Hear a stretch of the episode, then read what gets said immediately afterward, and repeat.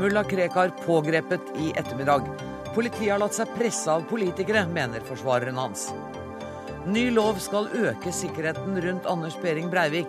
Et uoverveid lovforslag, mener Advokatforeningen. Karl Ove Knausgård fikk Gyldendalprisen i dag. Han kommer til Dagsnytt 18 og møter vinneren av Nordisk råds litteraturpris, Merete Lindstrøm.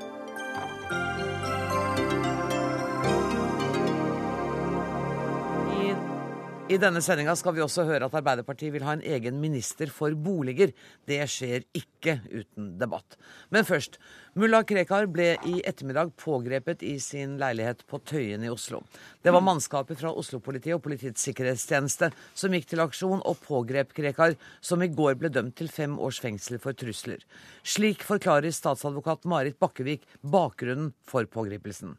Det er jo en kombinasjon av to ting. Det ene er at han under hele rettssaken har eh, fortsatt å komme med det som de har vurdert som truende uttalelser, og også nå i løpet av den siste helgen, og således forsterker eh, de truslene som han er tiltalt for. Og det andre er jo at han ble dømt til en alvorlig dom, som i seg selv også gir et grunnlag for pågripelse. Det sa altså statsadvokat Marit Bakkevik tidligere i dag. Brynjar Meling, du er med oss fra Bergen. Du er Krekars eh, advokat. Hvordan reagerer du på det som har skjedd i ettermiddag? Det jeg stusser litt over, og det tillater jeg meg å gjøre, er at man hadde muligheten til å pågripe han i går under fengslingsmøtet. Eh, som dere hørte Bakkevik eh, forklare for lytterne i sted, Eh, så er det jo omstendigheter som ligger tilbake under saksgangen, altså under behandling av rettssaken, pluss ting som er kommet i helgen. Eh, hvis man da mente at man hadde grunnlag for det, så har man både dyktige jurister og dyktige eh, politifolk som kunne ha sørget for at dette var klart i går. Istedenfor så lager man da en ny arena. Hvor da Mulla Krekar blir pågrepet med brask og bram, med direkte pressedekning og TV til stede. Og Det som er eiendommelig, er hvis man mener mulla Krekar er så farlig som det man da sier at man mener, så er det rart at man lager en ny arena for ham og gjør han til en martyr med å pågripe ham på denne måten. Kan jeg bare tolke, tolke deg riktig hvis jeg sier at du kritiserer altså omstendighetene rundt pågripelsen, men du går ikke i rette med grunnlaget for pågripelsen? Det har vi ikke sett ennå. Eh, det sier at Dersom man mente at det var grunnlag for det, så hadde man det samme grunnlaget i går. Eh, det er ikke noen forsterkninger i løpet av eh, gårdskvelden eller natten i natt. Sånn at jeg kan ikke uttale meg om det. Vi har blitt lovet av fra PST at vi skal få oversendt påtegning i løpet av kvelden. Eh, det PST har sagt etter det jeg har hørt, er at de hadde ikke papirene klare, og dessuten så manglet en oversettelse, og det var grunnen til utsettelsen. Eh, det har vært et stort politisk press og engasjement i denne saken i mange år. Ville ikke Krekar blitt pågrepet for lenge siden hvis det var sånn at politiet lar seg presse av medieoppslag? Han er jo pågrepet en rekke ganger tidligere, så politiet har latt seg presse tidligere. Tidligere har det hendt med henleggelser etter henleggelser etter henleggelser. slik at det presset har man også latt seg styre av tidligere. Jeg skal ikke gå inn og påpeke hvilke av embetsmennene som ikke har vært eh, hva skal vi si, eh, latt, seg, latt seg presse, men det har vært noen gode og heldige unntak der, mens andre har latt seg utsette for dette store politiske presset som har vært. I dag så har politikerne stått og kappes om å vise muskler. Eh, ikke bare fra Fremskrittspartiet, det, vi er vant med Fremskrittspartiet. Fremskrittspartiet har hele tiden hatt en renhårig holdning i, i, denne saken, sånn at det kommer ingen overraskelser. Men i dag så skulle alle de andre politiske partiene måle muskler for å ikke tape velgere til Fremskrittspartiet. Og Det er da dette presset blir for stort. Leder av Stortingets justiskomité, Per Sandberg. Vi hører her melding si at dere har vært renhårige. Det kommer ikke noen, som noen overraskelse. Eh, men det at Siv Jensen på forsida i dag eh, kommer med oppfordring om å bure Krekar inne, hva er eh, din reaksjon nå på at han er pågrepet? Ja, men, men meg først, Jeg er veldig glad for at Meling påpeker at vi har i hvert fall hatt en renhårig eh, fremdrift. Ja, det kan jo Meling faktisk si, for jeg og Meling feirer nå snart tiårsjubileum. vi i forhold til første debatten Meling og jeg hadde rundt Krekar og pågripelse, og, og eventuelt lukke en inne. Kanskje ikke et jubileum man kommer til å feire? Nei, nei, nei, men altså det betyr at vi har hatt mange debatter, og det forteller om hvordan Krekar har utnytta eh, den norske rettsstaten og demokratiet. For øvrig en rettsstat og et demokrati han er meget kritisk til. Eh, og nå blir han ramma av det på en slags måte. Men, men i forhold til det Siv Jensen sier i dag, så glemmes det en ting her også. fordi at mulla Krekar hadde en opptreden i går kveld også, i en redaksjon. Et, et, fysisk angrep på journalister og fotografer. Altså et direkte angrep på ytringsfrihet og demokrati som en hater. Det tror jeg også har vært med å påvirke noe her. Og jeg tror at det norske folk er særdeles fornøyd nå med at det blir en fremdrift, og at denne personen eventuelt da får en varetektsfengsling eh, etter begjæring og, og, fremstilling i morgen. Men så la jeg si det. Hvis det er sånn at enten Sjødin eller eh, Meling eller andre vil påføre meg ansvaret for at den har blitt arrestert, så tar jeg med glede det ansvaret. Er det det du vil, Meling? Påføre det ansvaret over på Fremskrittspartiet og Per Sandberg? Jeg tror nok Sandberg nå uttaler seg som politiker og er vel kjent med at han er populist når han sier det han gjør, fordi han, han, er meget klar over den konstitusjonelle mm. rollefordelingen, og at ikke han som leder av justiskomiteen på Stortinget eh, skal drive slik påvirkning som han her gjør. Eh, det er helt greit med politiske ytringer. Det som er viktig, er at vi har et embetsverk som står imot det presset som kommer. Mener du at eh, Sandberg nå overskred en konstitusjonell grense ved å drive utilbørlig påvirkning som ikke tillegger hans rolle som politiker? Det som er situasjonen er at Krekar-saken er også en sak som handler om politikk. Da må vi som aktører i rettsvesenet tåle at det er en politisk debatt rundt det. Og den har jeg også deltatt i, og forsøkt å påpeke at vi har rettssikkerhetsskranker som skal slå gjennom overfor det politiske eh, søkelyset som er på denne saken. Så det er ikke så mye politi politikernes uh, ytringer som jeg er kritisk til. Det jeg er kritisk til, er at kanskje ikke påtalemyndigheten har stått sånn imot som man burde ha gjort. Politi nå må gå til neste. Politisk redaktør i Aftenposten, Harald Stangele. Uh, dommen mot Krekar er jo ikke rettskraftig. Og vi vet enda ikke, advokaten vet heller ikke, hvilke grunnlag som nå er utferdiget for å arrestere ham på nytt. Hva er det som skjer nå? Eh, det er jo riktig at vi ikke vet eh, grunnlaget PST legger til grunn, eh, men det vi vet er at mulla Krekar i går fikk en dom i første instans, altså tingretten, på fem års fengsel. Vi vet også at det finnes eksempler der folk har fått en dom, har vært på frifot under behandlinga i tingretten, fått en dom, og så blitt arrestert. Vi vet også at en kan påberope seg det som kalles for alminnelig rettsfølelse, altså at det vil virke sterkt støtende på svært mange dersom ikke politiet gjør noe. Eh, dette har vi sett i flere saker, så sånn sett er ikke mulla Krekar noe unntak. Det som er unntaket, er at det er et veldig sterkt og ivrig engasjement hos mange politikere. Og det er klart at de er da med på å skape en samfunnstemperatur som gjør det eh, så varmt der ute at politiet nok eh, tyr til arrestasjon. Men har ikke Meling her et poeng i at de kunne ha gjort det i går, istedenfor å lage et sånt drama av det i dag? Jo da. De hadde to ting i går. De hadde en eh, dom på fem års eh, fengsel for trusler, en streng dom. Eh, de hadde også hensynet til den allmenne rettsfølelsen som dommerne i går, eller som politiet også i går visste.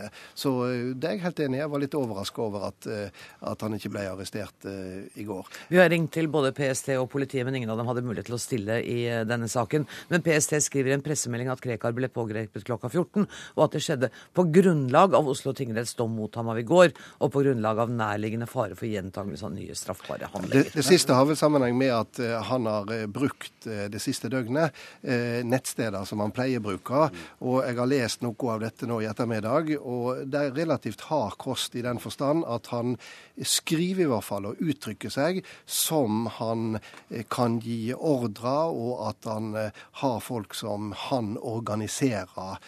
Og jeg skjønner godt hvis PST kommer til å legge dette til dommen i går, fordi at da ser en ikke en som trekker seg tilbake, som er en slags angrende synder, som er i ettertanke. Det er jo ikke heller mulla Krekars stil, men en som går videre og forteller hvor urimelig dette er. Sandberg. Først få lov til å si i forhold til dette, hvorvidt at dette beveger meg utover grensa uh, i forhold til å, å inn i maktfordelingsprinsippet. Og vi er inn der igjen, ja. ja okay. jeg, har vært veldig bevisst på det, og det vet også Meling, for jeg var i debatt med henne i går.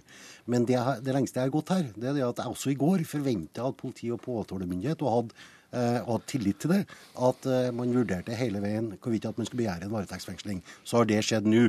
Både ut ifra det som har skjedd på nettaktivitet, eh, i forhold til det som skjedde eh, i reaksjonen på TV 2 i går, eh, og at man har oppdaga også at det har vært aktivitet siste helg i forhold til trusler.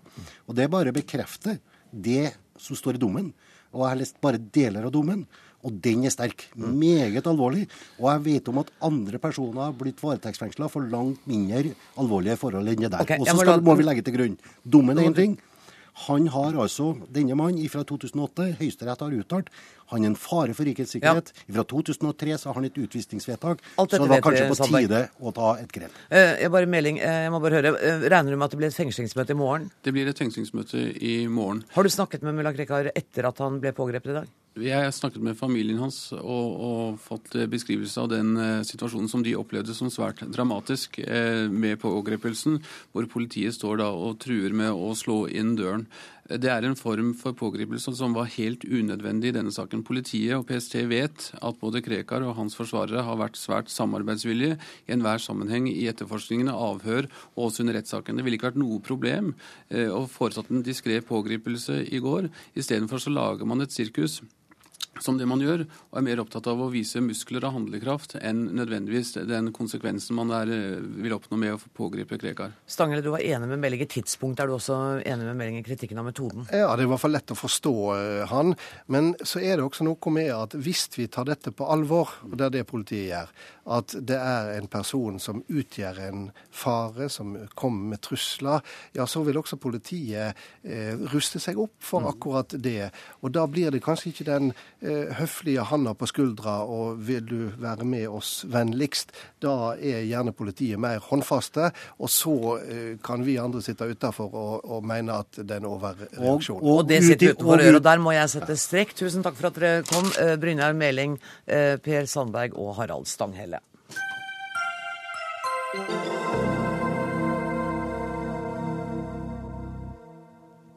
Helsedepartementet vil ha en egen sikkerhetsavdeling og strengere regler for Anders Behring Breivik og andre pasienter som blir vurdert som farlige. Annet skal det kunne gjennomføres kroppsvisitasjon av dem som skal besøke pasienten, og det blir utvidet adgang til brev- og telefonsensur. Statssekretær Robin Koss i Helse- og omsorgsdepartementet. Den sterkeste kritikken har kommet fra dem som mener at dette forslaget er å snikinnføre livsvarig opphold på psykiatrisk institusjon. Hva er din kommentar til det? Det er eh, rett og slett at det er eh, helt eh, feil. Loven, dette lovforslaget omhandler ikke lengden på oppholdet. Det er det allerede klare regler for. Det er det domstolene som bestemmer.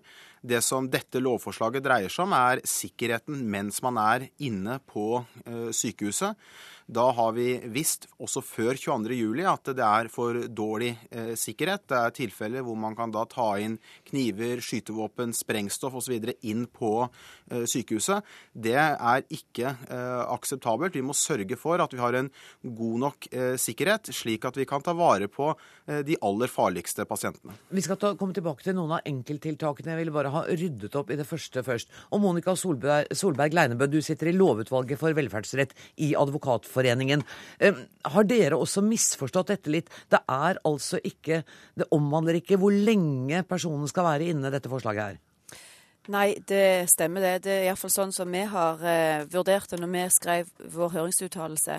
Eh, det eneste jeg ser, eh, at jeg forstår hvorfor noe media kan stille spørsmål ved dette, er eh, når en ser på grunnlaget for å kunne bli overført til en sånn særskilt eh, enhet med særlig høyt sikkerhetsnivå, der vi syns det fremstår som uklart hvem det er som skal kvalifisere for å bli overført til dette høye sikkerhetsnivået utover øh, denne øh, som vil bli tiltalt i denne terrorsaken. Hvem er det som skal sitte der, eh, Kåss? Det er eh, de pasientene hvor det er knytta en eh, særlig stor risiko. Eh, Det kan f.eks. være at det er risiko knytta til rømning, at man må ha ekstra tiltak for å hindre at personen rømmer. Det kan være risiko for at det kommer angrep det de sykehusene vi har i Norge i dag, er ikke bygget for å motstå angrep fra utenforstående. Hvor mange slike pasienter har vi i dag? Det eh, er forhåpentligvis eh, svært eh, få. og- Kanskje bare én. Og heldigvis så har jo vi vært forskånet for å ha den type avdeling. De fleste andre land har den type høysikkerhetssykehus. Det har vi ikke hatt i Norge. Det får vi ta som et kompliment til at Norge er et godt land å bo i. Men vi ser at det behovet er der, og vi må sørge for at vi er forberedt, sånn at vi kan ivareta sikkerheten på en sømløs måte. I høringsnotatet deres så går dere jo ganske Dere beskriver Den europeiske menneskerettighetskommisjonens retningslinjer, men samtidig så går det ganske langt i eh, inngripen. F.eks. så åpnes det nå adgang for at eh, advokater, psykiatere, kontrollkommisjonen som skal på besøk til en i denne høysikkerhetsavdelingen, kan kroppsvisiteres. Og da må jeg spørre deg, Monica Solberg Leinebø, hvordan reagerer dere på det forslaget?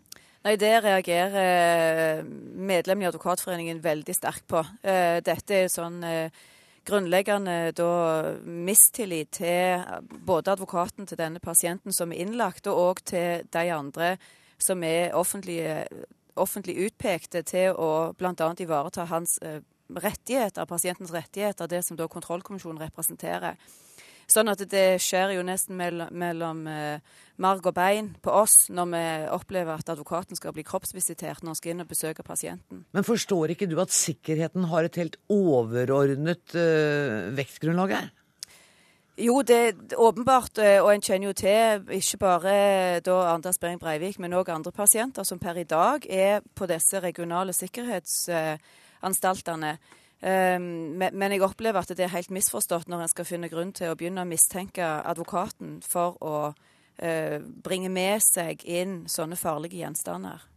Det vil jo i tillegg bli en risiko mot advokaten sjøl i verste fall. Vi opplever jo at advokater blir fraråda å helse på pasienten han skal inn og møte de som er på sikkerhetsposten, i fare for at òg advokaten sjøl kan bli slått ned. Ja, Det er eh, viktig at man finner balansen der, og vi har eh, forsøkt etter lovforslaget også å finne en slik balanse. og Det er jo eh, gjort en rekke unntak knytta til bl.a. dette som går på advokater som skal besøke sine klienter inne på sykehuset. Men så må vi innse det at enkelte personer, også som er pasienter, innebærer en ekstraordinær eh, sikkerhetsrisiko.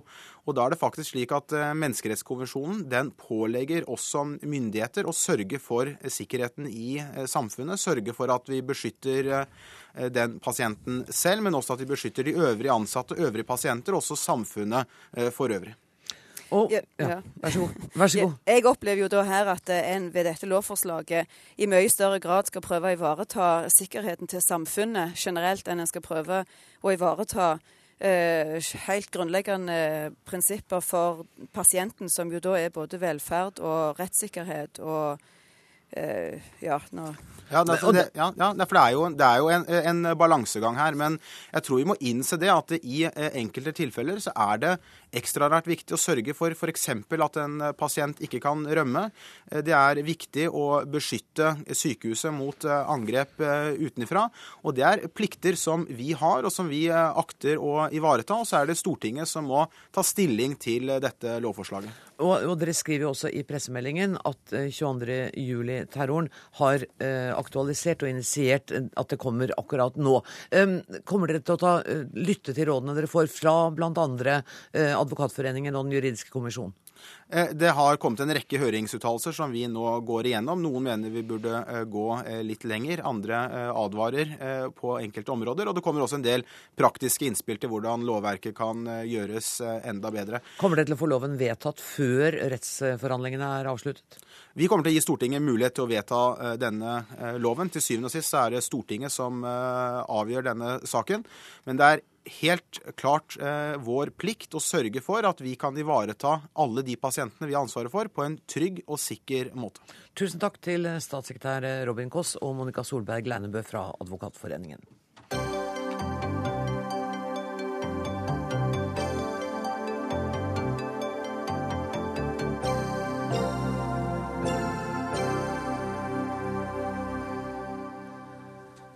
Stortingspresident Dag Terje Andersen mener det er uheldig at så mange tidligere toppolitikere går til PR-bransjen.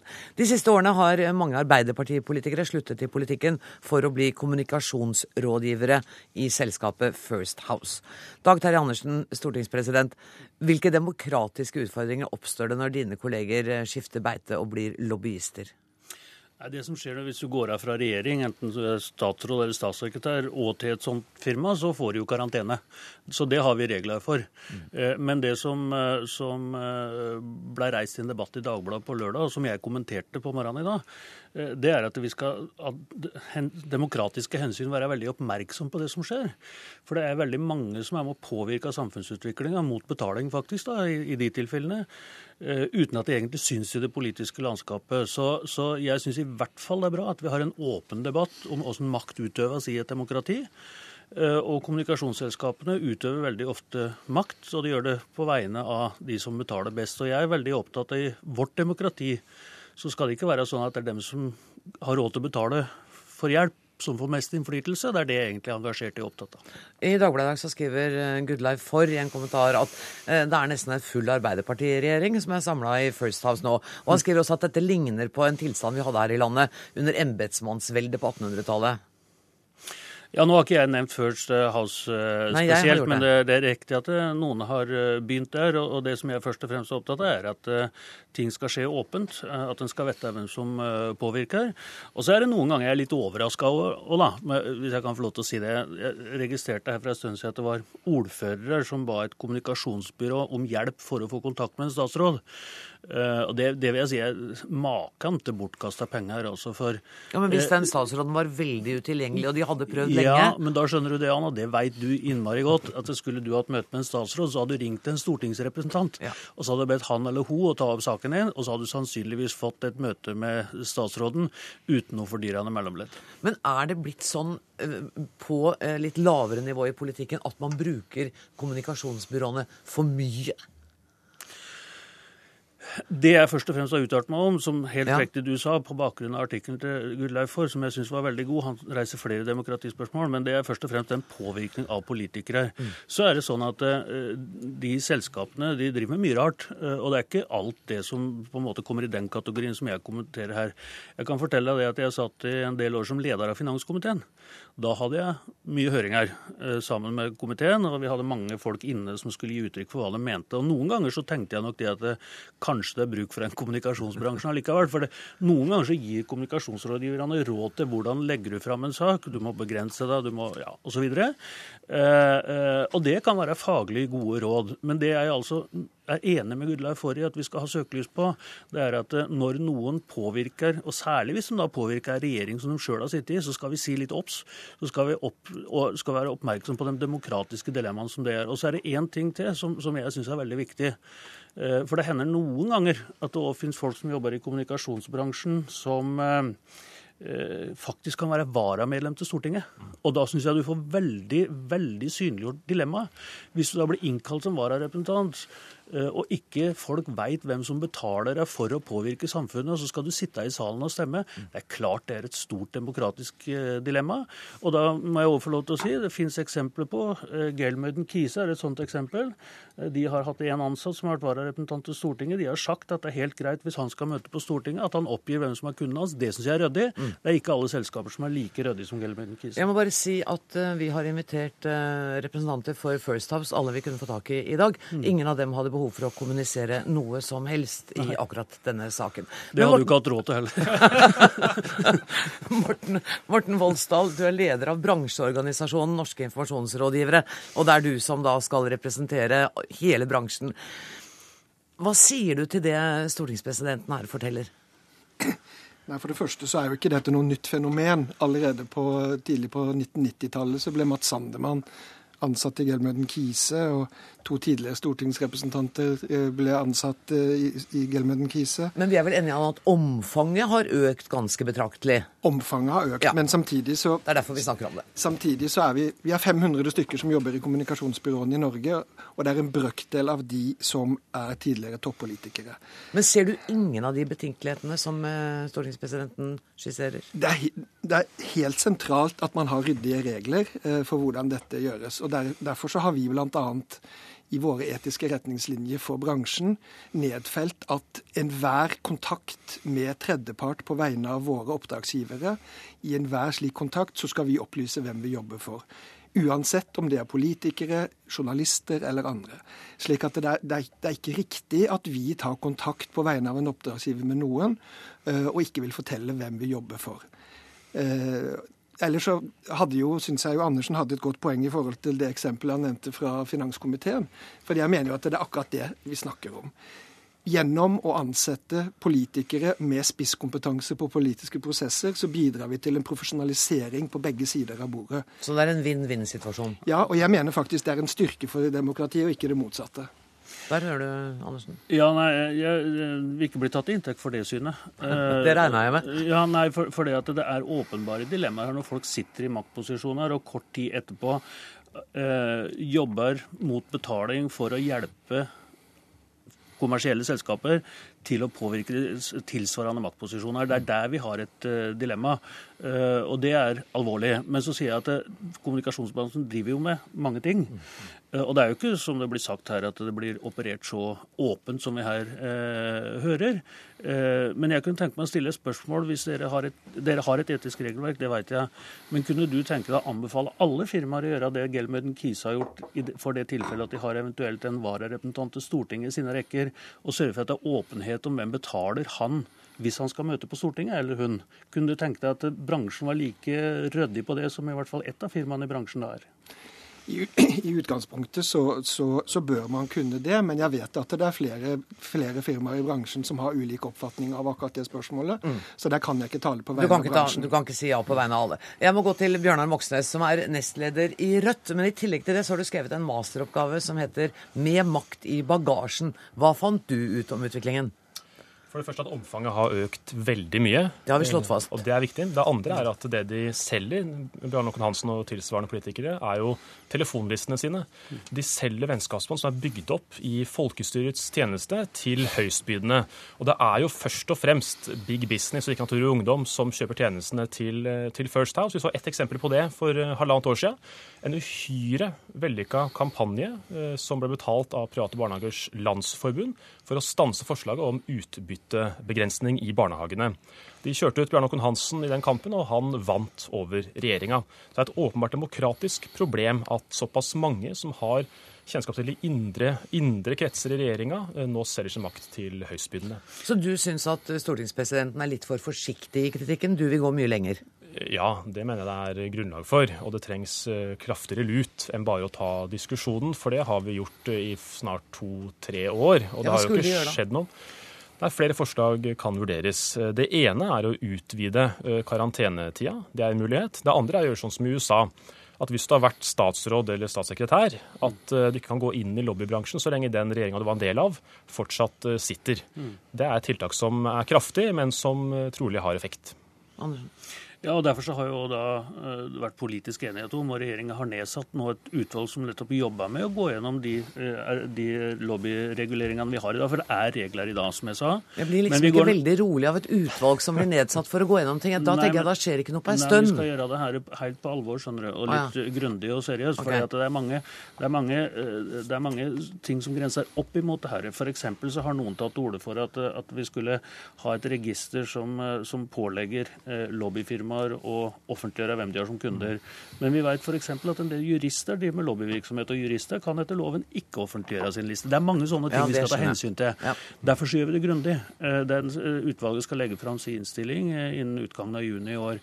Men så vil jeg få lov til å si en ting til, så ikke fokus blir helt feil her. De aller fleste som enten har sittet på Stortinget, men først og fremst i regjeringssystemet, som det, som det her er snakk om, da, som slutter i regjeringssystemet, de går ut og gjør samfunnsnyttige oppgaver i privat næringsliv, i offentlig næringsliv, eh, og det er det alminnelig fremdeles.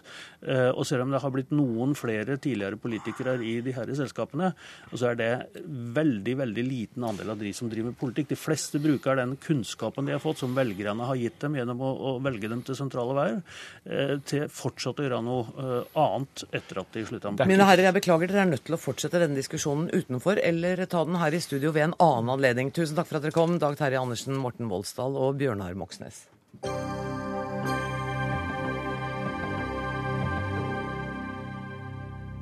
Norge trenger 300 000 nye boliger fram mot 2020. Og nå mener Arbeiderpartiet at det trengs en boligminister for å komme i mål med et slikt storstilt byggeprosjekt. Og Torgeir Micaelsen, du leder finanskomiteen for Arbeiderpartiet. Og du har også sittet i Arbeiderpartiets boligutvalg, som tar til orde for en egen boligminister. Hvorfor må vi ha enda flere statsråder? Nå er nok ikke dette et forslag om å utvide regjeringen. Det er nok mer... Å ja, hvem vil dere kaste ut, da? Nei, ikke sant. Eh, det blir jo fort spørsmål om det når man tar til orde for å samle noe under en ny fane.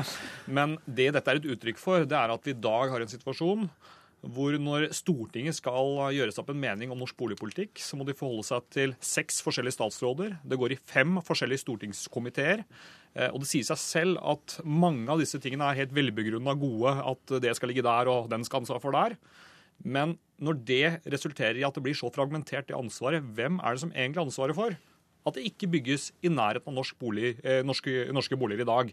Eh, det stiller vi spørsmålstegn ved. og Da kunne f.eks. én måte å gjøre det på være å samle alt under det departementet som i dag har ansvar for det, som er Kommunaldepartementet. Ja, nettopp. Og, og Navarsete har tyngden av dette her. Eh, og det dere gjør, er liksom å si at eh, det skal bort fra henne, eller det skal kanskje samles under henne. Eh, hvordan stiller hun seg til tanken om en, en ytterligere sentralisering av politisk myndighet? Jo, men det er ikke det det er.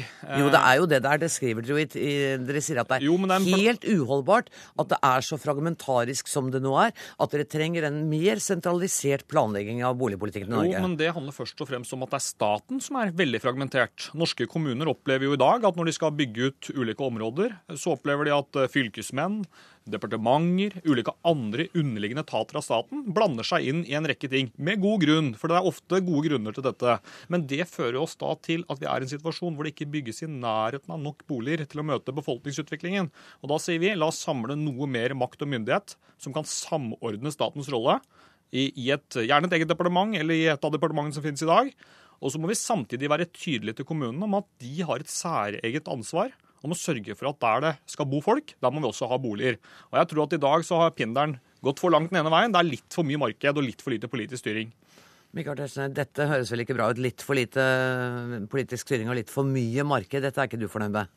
Ja, Det er markedet som ikke fungerer som det skal, når det er for mange restriksjoner på de som kan bygge boliger for oss. Eh, når det da gjelder eh, spørsmålet om eh, statsråder, så vil jeg si at det ble en fin oppklaring her. Uh, ved at det ble sagt at man ikke ønsker da, en egen boligminister, for det var jo det uh, Hauglie ble sitert på. Ja. Uh, og da ligner det Kan også være det, altså. Det kan, altså, det, det kan også være det, jo. Ja, ja. Vi har ikke låst oss for det. Men, Nei, Nei vel. Ja. Men da er det kanskje men, eh, fint at, eh, at, vi venter til vi ser denne innstillingen fra Arbeiderpartiets arbeidsgruppe. Da. Altså, jeg kan bare si at Høyre i hvert fall ikke går inn for å utvide regjeringen fra 20 til 21 statsråder. Vi har nok statsråder, og det vi trenger er flere boliger. Men hvis, hvis, Arbeiderpartiet kommer til at kommunalministeren kan bli en eneansvarlig for Eh, boligbygging, så ligner det veldig på et forslag som jeg selv fremmet i Stortinget for 14 dager siden. og det eh, kan være med på å, å, rydde litt opp. Ellers så vil en slik ministers viktige oppgave nettopp være å file ned kantene av motstanden mot boligbygging, fordi boligbygging har hatt altfor få venner. Og særlig eh, statlige særinteresser, ikke minst 22 instanser på statens hånd som har innsigelsesrett, og de bruker den det må vi gjøre noe med. Men kan, jeg har ikke fulgt godt nok med. Kan ikke du referere kort hovedinnholdet i ditt forslag? Ja, Mitt forslag var at vi entydig legger planspørsmål som gjelder bolig- og byutvikling, regionutvikling, til Kommunaldepartementet så er det alltid sånn at Finansdepartementet vil ha en ganske viktig hånd med den generelle renteutviklingen og andre viktige vilkår for de som skal skaffe seg bolig. Må, vårt, vårt mål er at mennesker av vanlig inntekt kan eh, skaffe seg en eh, trygg og vanlig bolig uten å måtte bli klient i velferdsstaten. Men da har vi jo liksom bidratt til en liten oppklaring her. Hvis dere går for at det ikke skal være en ny statsråd, og dere kan støtte Tetzschners forslag, så er vi jo nesten i mål med det dere vil. Jeg forstår liksom ikke hvorfor det skulle være det store poenget en dag, på en dag hvor vi tross alt er enige om at eh, det bygges for få boliger i Norge, og at det er for mange unge folk med helt vanlige jobber som ikke kommer seg inn på boligmarkedet eh, i helt vanlige byer. Eh, det er ett av 35 forslag som vi har lagt fram i dette utvalget. Men det er et uttrykk for at i dag er, etter min mening og etter utvalgets mening i Arbeiderpartiet, det er for lett å skylde på noen andre når vi ikke klarer å få opp nok boliger. Og det, situasjonen er alvorlig. Det er såpass alvorlig at, eh, at det er mange mennesker på min egen alder som opplever at eh, hvis du skal bosette seg i, i hvert fall umiddelbar nærhet til der de har tenkt å jobbe, i og rundt de store byene, så er det veldig veldig krevende hvis du ikke har foreldre eller andre som kan bidra. Og så vidt jeg husker, så er det ca. 370 millioner som er satt av til studentboliger som ikke er brukt. Ja, det er riktig. Det er bekymringsfullt. Ja, det er jeg helt enig i, men eh, det har nok ja, både tekniske forklaringer på det, etter det jeg forstår, har fått forklart dette i løpet av dagen, og litt eh, kan også være et eh, innslag av at det går for treigt å få dem opp. Men penga er jo der. Det er jo det, tross alt det viktigste. Jeg må ta, snakke med Olav Kjenn. du er altså fondsforvalter i Storbrann, og i Dagsavisen i dag er du ute og slår alarm om det økende klasseskillet i boligmarkedet. Forklar meg det. Det vi har sett er jo at Prisspiralen i boligmarkedet har ført til en enorm omfordeling av formue. Det har også ført til en gjeldsspiral blant de unge som du eh, nevner. Mens de som har hatt mye bolig fra før av, de tjener seg godt på den kraftige boligprisoppgangen.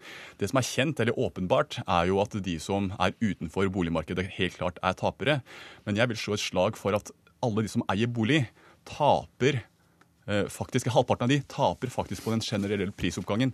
Fordi så lenge du skal kjøpe deg oppover i eh, boligmarkedet, så har du ikke noe ønske om at boligprisene stiger. Selv om din Alle leilighet taper på en måte på dette? Halvparten vil jeg tape. De som, tjener, de som tjener på det, er eller, uh, foreldre med tenåringsbarn som snart flytter ut. Da, da skal du nedskalere i forhold til boligkvadratmeteret. Men uh, oss to, da, eh, som har en leilighet som vi kjøpte for to mil, eh, den har gått med 10% siste året. Ja, vi har tjent 200 000 kroner.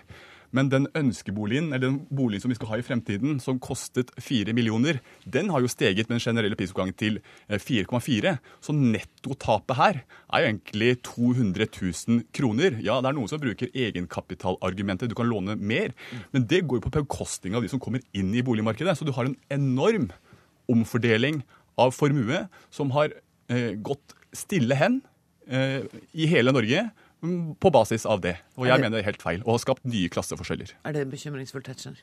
Ja, nå er det sånn at eh, bolig, den beregnede boligformuen eh, på et gitt tidspunkt ikke nødvendigvis er det verdiene blir når de skal selges en dag. For mange er dette veldig teoretiske verdier, og det ser man også når man skal videre i boligmarkedet. Man selger en gammel til høypris og må kjøpe en ny til en uh, høy pris også, som det også er inne på her. Uh, det vi må ha orden på, det er selvfølgelig en bedre etterspørselsdekning. Fordi det er det som også er med på å drive, eller i hvert fall en av de viktigste prisdriverne. Og det er derfor dette med, med arealer mener du da flere boliger? Flere, flere, boliger til markedet, og av den typen som folk etterspør. Og da må vi også være flinkere til å bygge ut infrastruktur i pressområdene, sånn som vi får avlastet. For det, det er jo ikke sånn at man har en menneskerett til å bo på Grünerløkka og andre hotte deler av, av Oslo eller eh, sentralt i østlandsområdet, hvis man har en akseptabel reisevei. Flere boliger, bedre infrastruktur. Jeg tror vi drar konklusjonen der, ja. Og så sier jeg takk til Torgeir Micaelsen fra Arbeiderpartiet, Michael Tetzschner fra Høyre og Olav Skjenn, fondsforvalter i Storebrand. Dagsnytt 18 alle hverdager klokka 18.03 på NRK P2.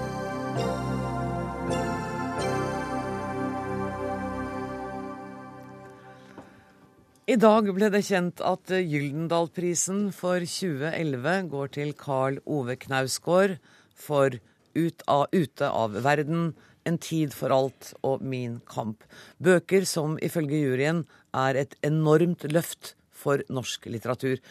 Tom Egle Verven, jeg må snakke med deg først, for du er leder av Gyldendals legatstyre. Eh, du trenger jo ikke å gjenta hele talen, men hva var det viktigste i begrunnelsen for juryen? Det viktigste, i tillegg til det du sa nå, er eh, det at Karl Ove Knausgård gjennom dette verket 'Min kamp', som altså er på 3600 sider, går inn i det mellomrommet som bare litteraturen kan være i, mellom fornuft og følelser, mellom etikk og politikk, mellom uh, ja, ytterpunktene i tilværelsen. Da. Mellom det helt trivielle, dagligdagse familielivet, som vi vet er beskrevet i de bøkene, jeg på å si til det kjedsommelige, eh, og de høyeste spørsmålene. Altså hva skjer etter livet? Eh, hvilken betydning har døden inn i det livet vi lever her og nå? Og dere skriver jo også i, i hvert fall i pressemeldingen at det er enighet om at det er liksom høye topper og dype daler i, i disse bøkene. Men vi skriver også at det kan det komme til å bli uenighet om senere. Det skriver dere også. Eh, var det sånn at dere øyeblikkelig da dere skulle utdele prisen i år, visste, var enighet om hvem det skulle være? Det er ikke helt sånn det foregår i, ah, denne juryen, at vi er liksom enige helt på forhånd. Vi, vi, har en ordentlig diskusjon. Men det er helt klart at mot slutten av den diskusjonen så var det overhodet ingen uenighet. Velkommen og gratulerer med prisen, Karl Ove Knausgård. Eh, Gyldendal-prisen, eh, hva betyr den for deg? Eh, det betyr veldig mye. Jeg ble veldig glad når jeg fikk den. Det er en anerkjennelse, og det er anerkjennelse for et tett forfatterskap. Jeg visste knapt at jeg hadde et forfatterskap før Tom Egil ringte og sa at jeg skulle få Gyldendal-prisen for mitt forfatterskap. Du ikke flørt da du visste du hadde et forfatterskap? For tre år siden så hadde jeg to bøker, ja. og så har jeg skrevet Nonstop siden da. Så jeg har liksom ikke ennå fått etablert at jeg faktisk har skrevet åtte nå. Det har du. Men hvordan er denne, og dette spørsmålet har du fått én million ganger før, denne bejublingen altså Bare da du satt på venterommet her, før du skulle komme inn i Dagsnytt 18, så kommer folk bort til deg og sier 'for en fantastisk serie'. Hvordan, hvordan kjennes det nå? For nå er jo du liksom virkelig ferdig med Min kamp. Ja, Nei, det, det er faktisk uh, Det er ikke så lett å forstå. Det er ikke så lett å få integrert inn i mitt eget selvbilde og, hvem jeg er for meg sjøl, og hva slags forfatter jeg er og sånt. Og, og, sånn at eh, jeg blir egentlig overraska gang på gang. Men jeg må si gledelig overraska, da. For det, før så var det jo sånn ja, men jeg fikk litt uh, kommentarer, det kom litt anmeldelser og sånt. Men nå blir jeg begynt å få brev fra folk som vil skrive fortelle meg ting, og som liksom det, det, er noe helt annet som har hendt, da. Som ikke jeg har uh, opplevd før i det hele tatt. Og, og det er jo helt fantastisk.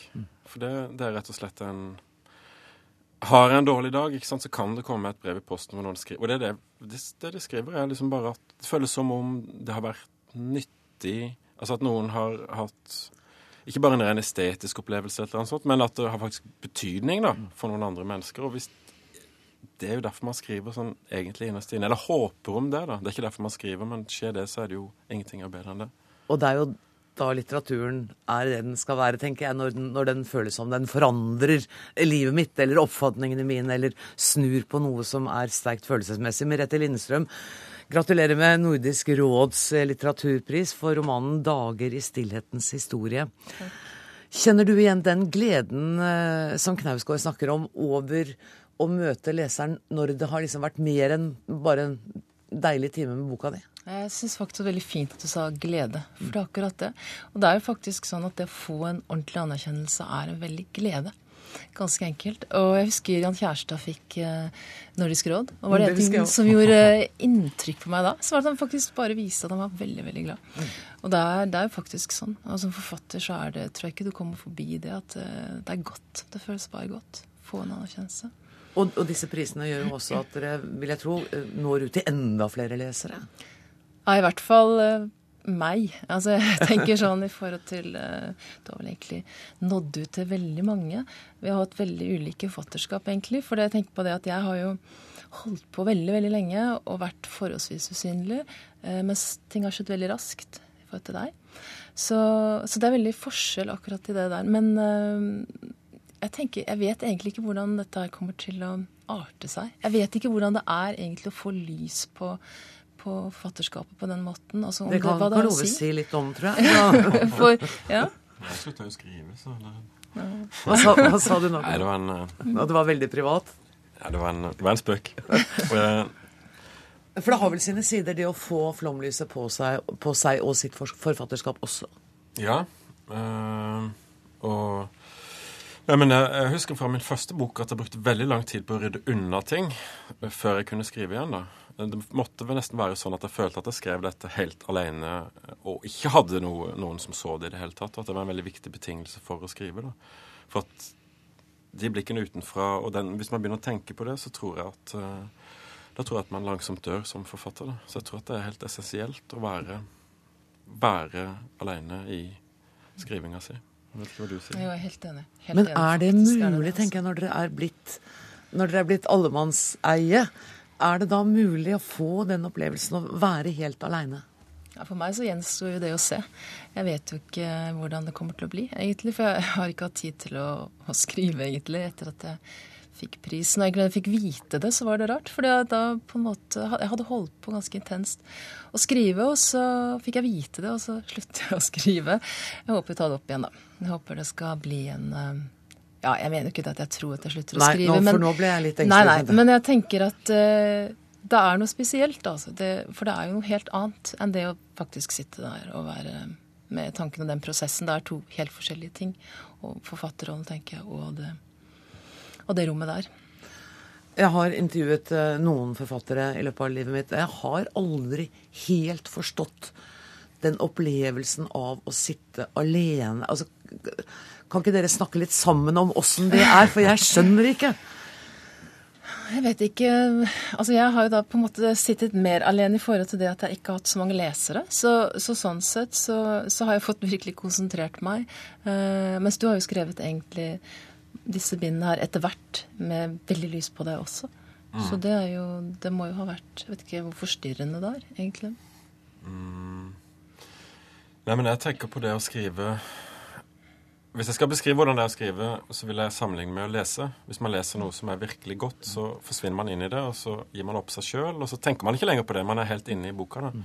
Jeg tror at det øyeblikket hvor jeg beskrev noe som jeg forsto kunne ha en betydning utover min eh, nærmeste krets, hadde med det å gjøre at eh, jeg skrev, og så forsvant jeg inn i det på en måte.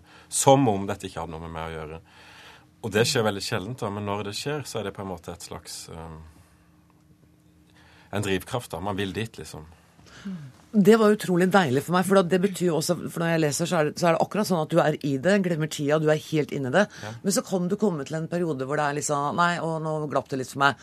Gjør det det mens dere, når dere skriver også? At det er perioder sånn, hvor det butter, og hvor du tenker Jeg vet da søren om dette blir noen bok noen gang. Ja, i hvert fall har jeg det sånn. Jeg tenker i forhold til det at jeg synes det er to prosesser. Det ene er akkurat det som han beskriver, det der å faktisk være i en sånn flyt, være i det der hvor du, du glemmer alt rundt, og hvor du bare eh, får inspirasjon hele tiden, egentlig. Og mm, det er litt slitsomt for alle rundt, men, eh, men det er veldig godt. Og så er det no, en annen måte å skrive på, som går på gjerne det å i hvert fall for meg, uh, gjøre faktisk ferdig en bok òg. Hvor det ikke bare er den begeistringen over prosjektet, det du har funnet ut og det du skal undersøke, men hvor det dreier seg om faktisk å begynne å forholde seg til at noen skal lese det etter hvert. Og, og det der, og da kan det av og til være litt mer trått. Mm. Og noen ganger skremmende også, det der å levere fra seg noe, eller? Ja, ja. Hver- Hver gang gjør det det. Hver gang? Hver gang, ja. ja, ja. Men det tror jeg er en slags grunnleggende ting. at det å legge fram en bok og si til noen at dette vil jeg at du skal lese, dette angår deg også, det er en, nesten en uhørt ting å gjøre. For det er ens eget, og det er, hvorfor skal andre bry seg om det? Og den følelsen tror jeg aldri slipper. Iallfall gjør det ikke det for meg. Så jeg sender noe til min redaktør, så er jeg, jeg har angst og er redd og sikker på at denne gangen sier han nei, det her. Ikke sant? Um, og jeg tror at det er en del av det å, å lage noe, så, så, så er den tvilen med på å gjøre det til at det blir noe. For den tror jeg, tror den er veldig viktig. da. Det er en slags kreativ angst. Ja, absolutt. Ja, ja. Var ikke det fint sagt, egentlig? Hva, hva det var det? Vi har altså, Tamila Weimen, vi har to eh, prisvinnere her. Og jeg hørte danske og svenske journalister si hva er det som skjer i Norge? Litteraturen der er mer livskraftig, den er breiere, eh, omfatter flere felt, den er bedre enn eh, de andre nordiske landene. Hva er det som skjer her, da? Jeg syns jo det, det at disse to forfatterne, som i og for seg er ganske forskjellige, eh, at de får pris med så kort tids mellomrom, det sier noe om en veldig livskraftig litteratur. Men det har også slått meg at de, de faktisk skriver om et tema som er også ganske likt, altså nemlig om traumer. Altså om, om det som er bortgjemt i menneskelivet, enten det er lange spor fra holocaust, som det er hos Merete Lindstrøm, eller det er ting som har skjedd inni den lille familien, og som kan vies ut til å, å få nesten eh, i hvert fall nasjonale og europeiske dimensjoner i Karl Ove Knausgårds eh, Min kamp 6. Og traumer er jo for så vidt noe som det norske samfunnet jobber med for tiden. Mm. Så det gjør ikke disse to forfatterne mindre aktuelle. Overhodet ikke. Og er, jeg er helt sikker på at det er mange som venter på neste. Du har vel sagt, Olav, at du ikke skal skrive noe mer? Jeg kommer i alle fall ikke til å skrive noen romaner med, med det første, nei. Men Merete, du har sagt at uh, du regner med at det skal bli en bok, det du holder på med nå også? Jeg håper det. Jeg føler jo at jeg blir inspirert av det foregående prosjektet. At, det på en måte, at jeg tar med noe videre. Så, så jeg tenker vel egentlig det. Men uh, ja, jeg håper i hvert fall det, at det blir noe etter hvert. Dere skal ha en stor, stor takk for at dere kom til Dagsnytt 18 i dag, og gratulerer med prisen, begge to. Tusen takk for at Tusen takk.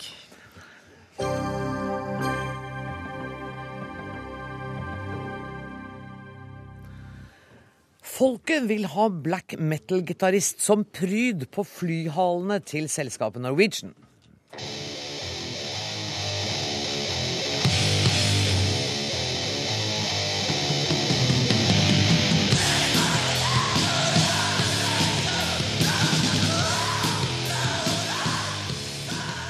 Den type musikk, eller musikk i det hele tatt, er sjelden vare i Dagsnytt 18. Norwegian har altså bedt folket om råd om hvilken neste store nordmann som skal få portrettet sitt på flyhallen. Nå viser det seg at avdøde Øystein Aarseth blir stemt fram av folk over hele verden. Han ligger nå på førsteplass i nominasjonsvalget som avsluttes i morgen kveld. Og Daniel Skjeldam, du er kommersiell direktør i Norwegian. Var det dette dere hadde sett for dere? Vi hadde jo sett for oss et enormt engasjement, og det har vi virkelig fått. Men Hadde dere hørt om Aarseth? Ja, vi hadde jo hørt om Aarseth. Eh, og vi syns det er utrolig artig at det er blitt et så stort engasjement rundt avgjørelsen på Halehelta. Hvor mange er det som har stemt, altså totalt sett? 170 000 stemmer har blitt eh, avgitt så langt. Og det her går jo ut morgendagen. I morgen midnatt er siste frist, og vi ser at det er et enormt engasjement nå. Så bare de siste tre timene har det tikka inn 10 000 nye stemmer til over ja, rundt 1000 nominerte kandidater. Men det er bare ett fly folket skal få lov å være med å bestemme? Nei, fire fly skal fire folket fly. få lov til å være med å bestemme i denne omgangen. Og hvor mange nye fly er det dere skal ha, da? Vi, eh, i, Bare i år så tar vi inn 13 nye fly. Ja. Eh, og så det blir enda flere utover, så vi kommer til å trenge masse halehelter. og Da syns vi det er artig å involvere kundene, og, og ikke minst eh, befolkninga i de største regionene vi flyr til. Hva er kriteriene for at man eh, skal kunne bli foreslått som halehelt? Nei, Vi syns det er viktig at de er en identitetsbærer for Norwegian, og at de ivaretar de samme verdiene som det tidligere Halleltav har hatt. Altså Sonja Hennie, eh, Amundsen, Nansen, Ibsen osv. Eh, og så må de være fra den respektive regionen som nominerer de, eh, og har utmerka seg, inspirert andre. Og så er siste kriteriet at de må være avgått med døden, da. Svein Egil Hatlevik, du er black metal-musiker og journalist og anmelder, og du nominerte Øystein Aarseth. Eh, hvorfor vil du se ham på halen til et Norwegian-fly? Yes, han er jo helt utvilsomt en uh, veldig innflytelsesrik kulturpersonlighet. Eller var det så lenge han levde, og han fortsetter å være det nå, 19 år, nesten 19 år etter at han uh, døde. Og han, uh, han, har hatt en veldig vidt regional, eller hva som er geografisk veldig spredt påvirkning veldig mange steder. Og er jo også uh, i veldig mange steder uh, eneste grunnen til at folk har hørt om Norge. Ja, er han det? For da, altså, en del av oss vet ikke så mye om ham. Kan ikke du bare kort forsøke å tegne et lite bilde av ham? Ja, han var, uh, først, han var jo da først og fremst musiker. Mm -hmm. Men også en veldig sentral person i å hente hente black metal, som da var internasjonalt en veldig fragmentert og spredt sjanger, og hente det Gjøre Norge da til et veldig sånn stor makt i den sammenhengen. Han uh, inspirerte veldig mange til å utvikle altså Han inspirerte da, som man sier, et, uh, et kunstnerisk mangfold. Det var av, uh, av forskjellige uttrykksformer innenfor dette denne nye og, og oppframvoksende black metal-sjangeren. Og så døde han ung og en, hadde en ja, voldsom død. Han døde som uh, eh, 25-åring. Og ble drept. Ja. Hvordan har du jobba for å få folk over hele verden til å stemme på han? Det har jeg gjort ved å legge inn hans eh, kandidatur i databasen til Norwegian. Uh, og det er det jeg har gjort. Fabian... Og har jeg jo svart, da på intervjuer og sånn. Ja, og det, og det, gjør jo ikke saken dårligere for deg, det vil jeg tro. Uh, Fabian Stang, du er ordfører i Oslo og medlem av uh, nominasjonskomiteen. Og det er et stykke vei mellom uh, Øystein Aarseth og forslagene som nominasjonskomiteen har kommet med, som bl.a. er Grete Waitz og Einar Gerhardsen og Wenche Foss. Hva syns du om dette forslaget? Eh, det første jeg tenkte på nå, var at ved neste valg så må vi snakke sammen. For du høres ut som du er god til å, få, med, få, med, folk. Eh, jeg syns det viser, eh, viser, et mangfold i Norge. Vi har, vi har mange flotte personer som er borte som det kunne være hyggelig å hedre. Og, og, ja, det er sånn politikerprat. Men, ja. men en fyr som altså står for black metal-musikken i Norge, og som faktisk ikke alle nordmenn har hørt om. Hva tenkte, tenkte, Hadde du hørt om den, forresten? Ja da, det hadde jeg. Ja. Det hadde jeg. Vi skal jo ha svær um, metal-festival i påsken i Oslo, så det er en del av kulturtilbudet her. Så jeg har ikke noe, ikke noe problem med det. Og um, jeg syns jo det er veldig OK at uh, de som uh, har lyst til å hedre ham, engasjerer seg, og, og, nå stemmer han frem. Det viser jo at man, man, har, en, uh, man har et forhold til historien. Det begynner å bli noen år siden han ble borte. Det Var det ikke 19 år siden? Ja, det var 93. Ja, og, og, han lever på en måte fortsatt i, i manges uh, minne. Det, det syns jeg er veldig hyggelig. I Norwegian, altså vil dere vel ha siste ord i denne saken? Eller vil dere bøye dere for folkets røst? Ja, Det er sånn at uh, når eh, man har stemt fram de som har kommet øverst opp på lista i hver region, så sitter en, uh, en jury hos oss som velger ut de som tilfredsstiller kravene. Og så er det opp til folk igjen da, i en avsluttende avstemmingsprosess til å faktisk stemme fram de som, de som får plassen. Så det er folket som får det siste ordet i hver region om hvem som havner på halen til slutt. Men da vil det være noen få navn å velge mellom? Da vil det være fem navn å velge mellom i hver region. Og da er det folket som får siste stemme stemme til hvem det blir som blir stemt frem da fra hver region. Men tror dere at folk vil fly mer Norwegian fordi det er bilde av en kjent historisk person på flyhallen? Nei, det tror vi ikke. Men det har, med, det har, med, å skape engasjement i de regionene som vi flyr til. Og så vet vi fra at det her er noe som betyr noe for folk. Vi har fått veldig mange mail og veldig mange kontakthenvendelser over telefon og på andre forum, Facebook-sida vår f.eks., om at det her har engasjert folk. Og sånn sett har vi ønska å gi den muligheten her ut til befolkninga i de største regionene vi flyr til. Er det noen som eh, er rasende over at Øystein Aarseth er eh, foreslått? Jeg tror det, det, bringer fram et engasjement hos Kom igjen, mange. Er det det? Er det noen som er sure for det? Nei, ikke hos nei, oss. Nei, nei, men av de, av de henvendelsene dere får? Nei, absolutt ikke. Det er så han er ikke noen kontroversiell person lenger? Kontroversiell og kontroversiell. Det som, det som, er det viktige her, er at det bringer fram et voldsomt engasjement. Og det eh, fordi i, i, hver region, for å få fram sine kandidater. Og det er det vi syns er veldig artig der her. Vi registrerer jo også at, eh, at, at, mange av stemmene kommer fra utlandet, så at han er stor i utlandet, det er ingen som helst tvil om. Eh, Hadlevik, eh, hvordan ville Øystein Aarseth ha tatt det og bli dyrket fram til å bli eh, portrettert på halen av et fly? Ja, det er det jeg også driver og spør meg om, da. Men jeg tror vel egentlig at han Nå kjente jeg jo ikke han spesielt godt, jeg møtte han et par ganger, men i, som kunde i butikken hans. Liksom. Uh, men jeg tror vel uh, egentlig at han ville ha syntes at det var kult. Det tror jeg. Du tror det, du ville, at han ville sett på det med litt ironi, kanskje? Han uh, jobba jo veldig målretta for at uh, den musikken han lagde, skulle få gjennomslag og skulle bli hørt av mange. Og uh, det at da nå da såpass lenge Det er jo ikke så voldsomt lenge sånn i det store perspektivet, men det at han Den musikken og det arbeidet han gjorde, blir verdsatt, tror jeg vil han satt pris på. Tror du at du noen gang kommer til å fly i et fly med bilde av Aarseth på? Uh, ja, det regner jeg med. Fabian Stang, hva tror du? Hvem, altså, Moren din er jo en av en aktuell kandidat her. Ja, Der eh, er det jo viktig uh, å passe på dette med habilitet. da. Det er, er vi opptatt av i disse tider. Disse ja. har du meldt deg inhabil? Jeg har meldt meg inhabil, og jeg foreslo Einar Gerhardsen. Så det her er alltid ordnede, ordnede former.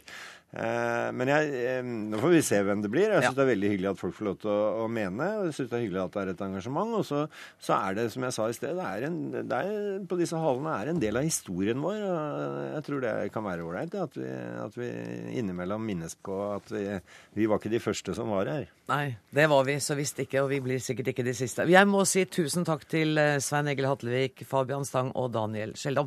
Vi er nemlig ferdig med Dagsnytt 18 for i dag. Ansvarlig for sendinga er Dag Dørum. Det tekniske ansvaret har Karl Johan Rimstad. Jeg heter Anne Grosvold, og vi er på lufta igjen om 23 timer.